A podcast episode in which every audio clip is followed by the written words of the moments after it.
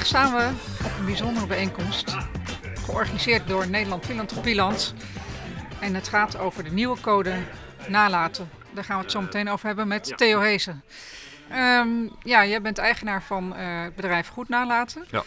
En uh, jij was secretaris van de commissie die deze code heeft opgesteld. Ja, dat klopt. Uh, misschien even eerst ingaan op wat zijn eigenlijk de trends rondom nalatenschappen? Groeien ze? Is, er, is het uh, een boemende uh, manier van inkomsten werven? Ja. Nou ja, het is een, een zeer gestaag groeiende business, om het zomaar uit te drukken. Dus zowel het aantal nalatenschappen, dat stijgt gestaag.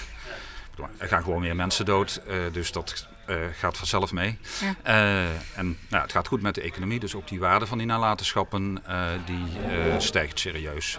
Nou ja, met de babyboom-generatie die nu aan het uitsterven is, geeft dat geweldige perspectieven. zeg maar, er zijn professoren die daar miljarden berekeningen op loslaten. Ja. Maar goed, dat moeten we nog even afwachten of dat echt waarheid wordt. dus ja, voor veel goede doelen is het steeds meer uh, inkomsten uit nalatenschappen. Uh, Hoe, om hoeveel gaat het? Want je zegt miljarden, maar wat, wat, wat nou, is jullie eigen zijn niet helemaal sluitend. we zitten nu, denk ik, volgens het CBF op ongeveer 360, 370 miljoen per jaar. wat er aan nalatenschappen naar goede doelen gaat. Uh, dat is geen volledig uh, beeld, want dat zijn alleen de organisaties die zelf hun opgave doen bij het CBF. Dus daar zitten kerken, universiteiten, musea, nou ja, zeg maar alle andere ongeregeld zit daar niet bij. Dus mijn vermoeden is dat het eigenlijk ongeveer twee keer dat bedrag is. Ja, dus dat is gewoon dus, een fors bedrag van, laten we zeggen, zijn van 50 miljoen ja, dus, euro. Wat ja, nagelaten wordt aan, aan goede doelen, ja. culturele instellingen, maatschappelijke organisaties. Dus ja, dat is, uh, dat is groot, uh, groot geld. En steeds meer goede doelen, maar dus ook universiteiten, ziekenhuizen, musea houden zich bezig met de werving van nalatenschappen. Dus er wordt meer geworven, maar ook de traditionele goede doelen werven ook steeds intensiever. Ze doen steeds meer. Uh, vroeger was het een berichtje in het uh, clubblad. Uh, nu mailen we, bellen we, we sturen callcenters op mensen af.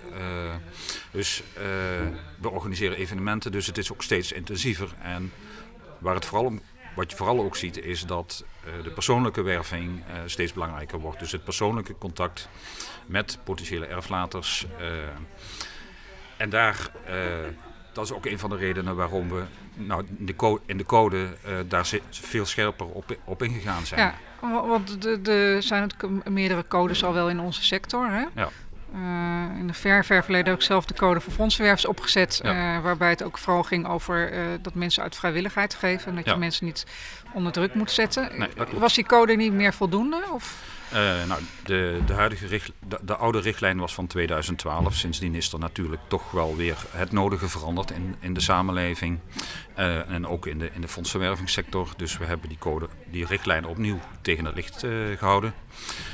we hebben er in plaats van een, een, richtlijn een code van gemaakt. Een richtlijn is meer van nou ja, de beste manieren om iets te doen. En we hebben het nu ingedikt tot een code. Dus dat is veel meer van dit mo moet je niet doen en dit moet je wel uh, doen. Dus het is wel ook allemaal wat krachtiger uh, geformuleerd. Ja, en dat is nodig kennelijk. Ja, nou ja, we hebben natuurlijk toch uh, al verschillende keer, je, iedereen kent uh, natuurlijk de Kees Broekhuis uh, van het Leger des Heils en de Zonnebloem. nee, leg nog even uit. Nou, meneer Broekhuis liet 26 miljoen na aan de Zonnebloem en het Leger des Heils, ieder de helft. Maar even kort geformuleerd, uh, zijn uh, stiefkinderen waren het daar geheel en al uh, mee oneens. en die hebben toen het testament aangevochten, want meneer was beginnen dementerend. dus nou ja, de discussie was wilsbekwaam of niet. Ja. nou ja, de notaris had een mooie brief van een, van een geriater. Van nou ja, deze meneer snapt wat hij aan het doen is. maar goed, dat, als het om echt 28 miljoen gaat, dan worden mensen ineens erg assertief. dan gaan ze een advocaat zoeken die nou ja, op no Q basis daar best wel inspanningen voor wil verrichten. En je gaat, er wordt de publiciteit gezocht. Dus nou ja, hoe is zeg maar. En het leger was een aantal keren bij die meneer thuis op bezoek geweest. Daar was zijn vrouw niet altijd bij. nou ja, dus dat, dat ligt gevoelig, dat soort dingen. Dus in de, in de code geven we ook een aantal dingen aan van als je op gesprek gaat, kondig aan, waar, wees duidelijk waar je voor komt. Zeg, geef ook altijd aan dat, een ander, dat mensen, uh, ook andere mensen daarbij mogen uh, vragen. Die volgende week ga ik naar een mevrouw toe. En nou, dat speelt ook zo'n. Dat is niet, niet, zo, niet zo'n grote erfenis, oké, maar ik zei ook tegen mevrouw van, nou ja, uh, vraag, vraag een familielid om erbij te zijn. Dan, is, is het transparant, dan ben je transparant. Dan heb je ook een soort getuige natuurlijk ja. Uh, Zullen we even de code uh, ja. doornemen? Nou nog even van, jij hebt ook een aantal maatschappelijke ontwikkelingen die, die daarin mee spelen. wat ik net al zei, mensen worden steeds assertiever als het om geld gaat. Dat waren ze altijd al trouwens, maar goed, dat... Jij ook in dit gesprek blijkt. Uh, maar goed, je hebt ook veel meer complexe familiesituaties met uh, echtscheidingen, vechtscheidingen, maar ook... Dus Gemengde gezinnen, dat soort dingen. Maar veel, ook veel meer onterfde uh, kinderen, stiefkinderen die mee willen delen in de buit. en nou ja, je hebt nog steeds je aangetrouwde nicht die ook op, de, op pad is. Nou ja, advocaten zijn daar steeds happiger op, de pers is steeds kritischer. nou, je hebt ook dingen als uh, nou, ouderdomsproblemen. Uh, mensen die, uh, steeds meer mensen die dement ja. zijn. ook discussie over levensbeëindiging. ik heb tijd terug zat ik aan tafel voor een testamentgesprek. En daar liggen de papieren van de levenseindekliniek op tafel. Ja. en nou ja, er wordt toch men een half, half oog gevraagd van... kun je me helpen om die in te vullen? Nou ja, wat doe je dan? Ja. Dus dat zijn ook allemaal nieuwe dingen uh, waar je dus nu mee te maken krijgt, die vijf, zes jaar geleden uh, nou ja, een stuk minder waren. Ja. Is, is het ook eh, misschien wel in, in ons vakgebied van fondsenwerkers, misschien, uh, je hebt ook specialisten nalatenschappen, die ja. horen we in andere podcasts van deze serie. heb je heel erg met ethiek te maken, denk ik ook, hè? Ja, het en dilemma's waar, je, waar je als persoon over moet nadenken. Ja, het gaat aan de ene kant heel erg om het recht van een ieder, om, mooi te zeggen, eh, om zelf te beslissen wat er in zijn of haar testament eh, komt. Maar dat is iets wat voor iedereen zelf. Aan de andere kant, eh, nou ja, we hebben ook de vrijheid om zeg maar, on, ons doel, ons, ons goed doel, onze organisatie onder de aandacht te brengen. Uh, en uit te leggen dat wij uh, met jouw erfenis uh, een heleboel goede dingen kunt doen. Dus dat je met jouw erfenis daar een heel goede herinnering in nalaat. Daar zoek je ook een evenwicht in. in die zin van aan de ene kant is iemands eigen wil. Aan de andere kant, iemands eigen wil is geen statisch gegeven. Dus nou ja, maar goed, net zo goed als die aangetrouwde nicht. Dus uh, aan de erflater duidelijk maakt dat het uh, toch wel een erg goed idee is dat de erfenis haar kant op komt. Ja. Dus je zit toch gewoon ook in een krachten, laat ik het een krachtenveld noemen. Ja, precies. Dus je hebt wel bepaalde skills en misschien ook inderdaad wat tips uit die code naar later hebben. Dus daar wil ik dan nu wel even na naartoe, Theo. Er zitten een paar elementen in. Mm -hmm. En het helpt misschien ook wel de luisteraars om even een beetje de highlights te horen van mm -hmm. als ze met nalatenschappenwerving werving bezig gaan, waar, waar ze dan aan moeten denken. Als je, mhm. beginnen bij, bij werving. Daar hebben jullie een aantal bepalingen opgenomen over uh, vooral eerlijkheid en open zijn. Daar heb je denk ik net al wel wat over gezegd. Ja. Zeker in persoonlijke contacten met, uh, met mensen moet je altijd transparant zijn. Van als je op gesprek gaat voor, over een testament, dan laat je van, maak je van tevoren duidelijk dat het over het testament gaat. Ja. Dus niet als je daar al binnen zit. Je geeft mensen ook de gelegenheid om het gesprek af te zeggen. Of nou ja, als ze dat halverwege gesprek zeggen van ik wil dit niet meer, dan, dan ga je weer naar huis. Ja, precies. Ja.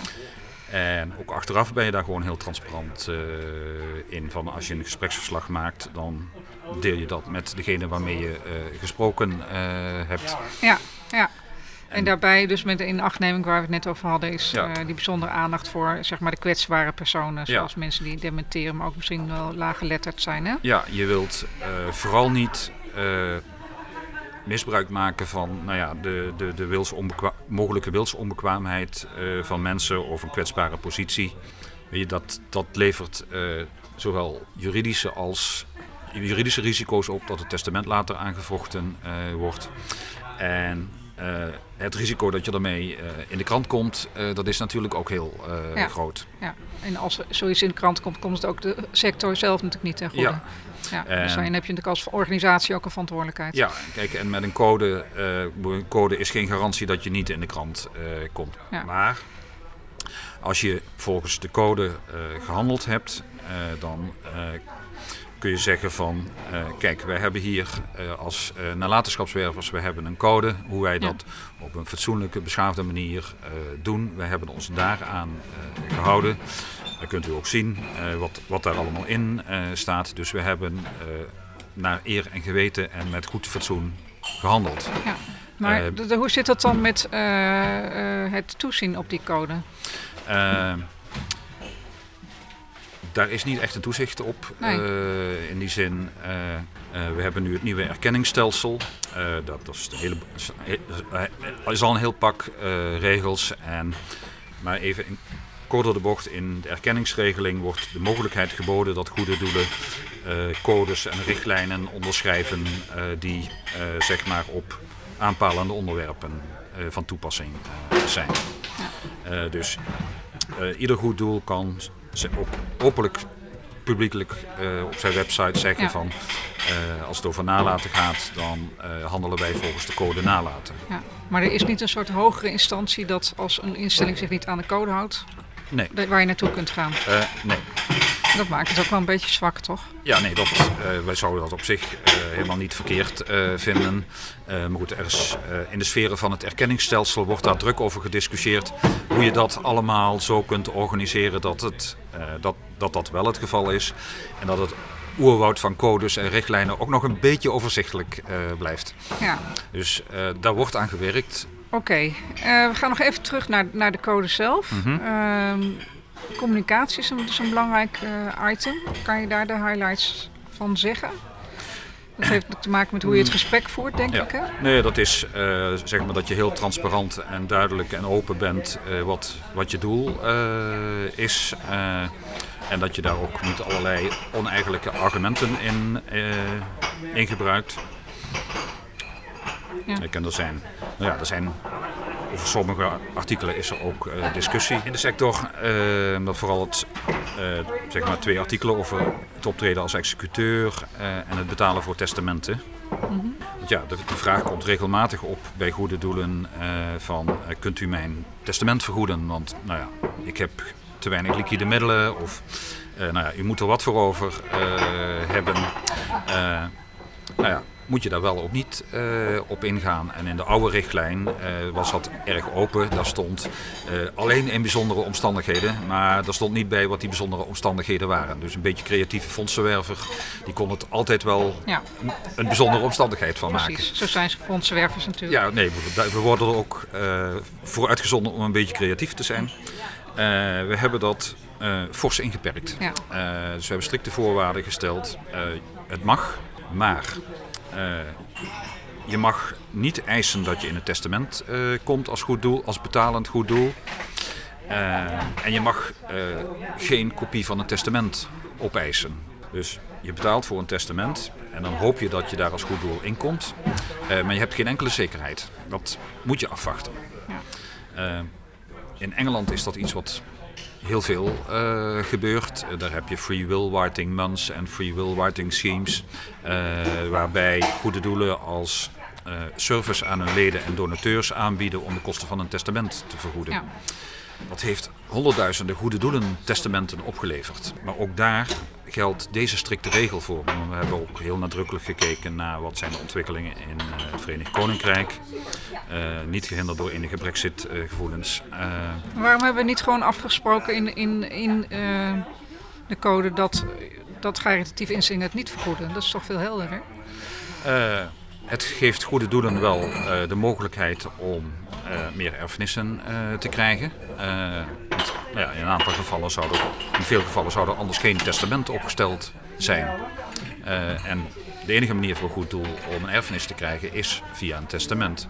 Dus je wilt als goede doelen, daar hebben we ook een nationale campagne voor, ja. bevorderen dat meer mensen een goede doelentestament opstelt. Uh, dat timmeren we hard aan de weg met, met toegift. dus dat vinden we met z'n allen een heel goed idee. En als dat daarbij helpt om af en toe de kosten van een testament te vergoeden, is daar niets mis mee. Als die vrije wil van de erflater uh, maar niet uh, in het gedrang uh, komt. Ja, want die staat ook helemaal centraal in de hele code, als je hem zo helemaal doorleest. dan gaan we tot slot naar, naar de afhandeling van de mhm. nalatenschappen. Ja. Uh, daar staan ook nog een paar bepalingen over. Ja, de code is wat. De vorige richtlijn ging alleen over werving. En we hebben het nu breder uh, getrokken in de zin dat we ook communicatie, afhandeling en de omgang met andere stakeholders daarin uh, meegenomen hebben. Nou, in, veel, in een aantal gevallen wordt het goede doel tot executeur benoemd. Welke doelen doen dat op dit moment? Volgens mij nou, Humanistisch Verbond, weet ik. Ja, nee, maar een heleboel uh, KWF en de Hartstichting en de Fietsersbond en uh, Stichting Natuur en Milieu. En, uh, dus er zijn best wel veel die dat als service aanbieden. die doen dat vaak niet zelf, maar huren een specialist daarvoor in. Dat is meestal heel goed geregeld. goed, je kunt executeur zijn en uh, er, kunnen, uh, familie, er kunnen andere erfgenamen of potentiële erfgenamen zijn die het geheel ter discussie uh, stellen. dan ben je erfgenaam en is executeur en een ander stelt het testament in het geding. Ja. Nou ja, dan zeggen wij van je kunt beter niet zelf als goed doel executeur zijn, maar dat aan een ander overlaten of aan een professionele executeur of een notaris. Dat je niet uh, het conflict met de anderen nog verder op de spits drijft. Ja. En uh, misschien wat ik dan nog wel een beetje mis, uh, tot slot in, in, dit gesprek ook, is de. de want het gaat dus, je noemt veel al het conflict met de achternicht, zeg maar, die ja. ook het geld had willen hebben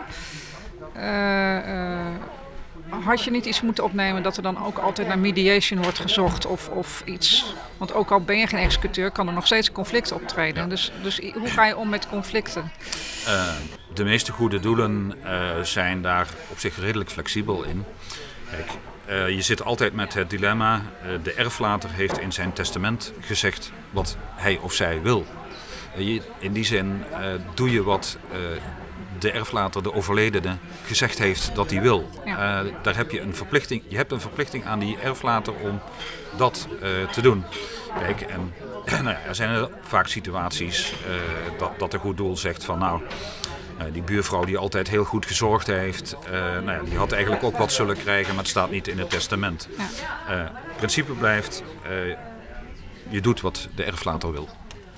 Nou, met deze mooie woorden, je doet wat de erflater wil, gaan we uh, naar de verschillende workshops. En uh, spreken we in de volgende podcast met een aantal fondsenwervers die daadwerkelijk aan de slag gaan met deze koning. Dankjewel Theo Hezen. Graag gedaan.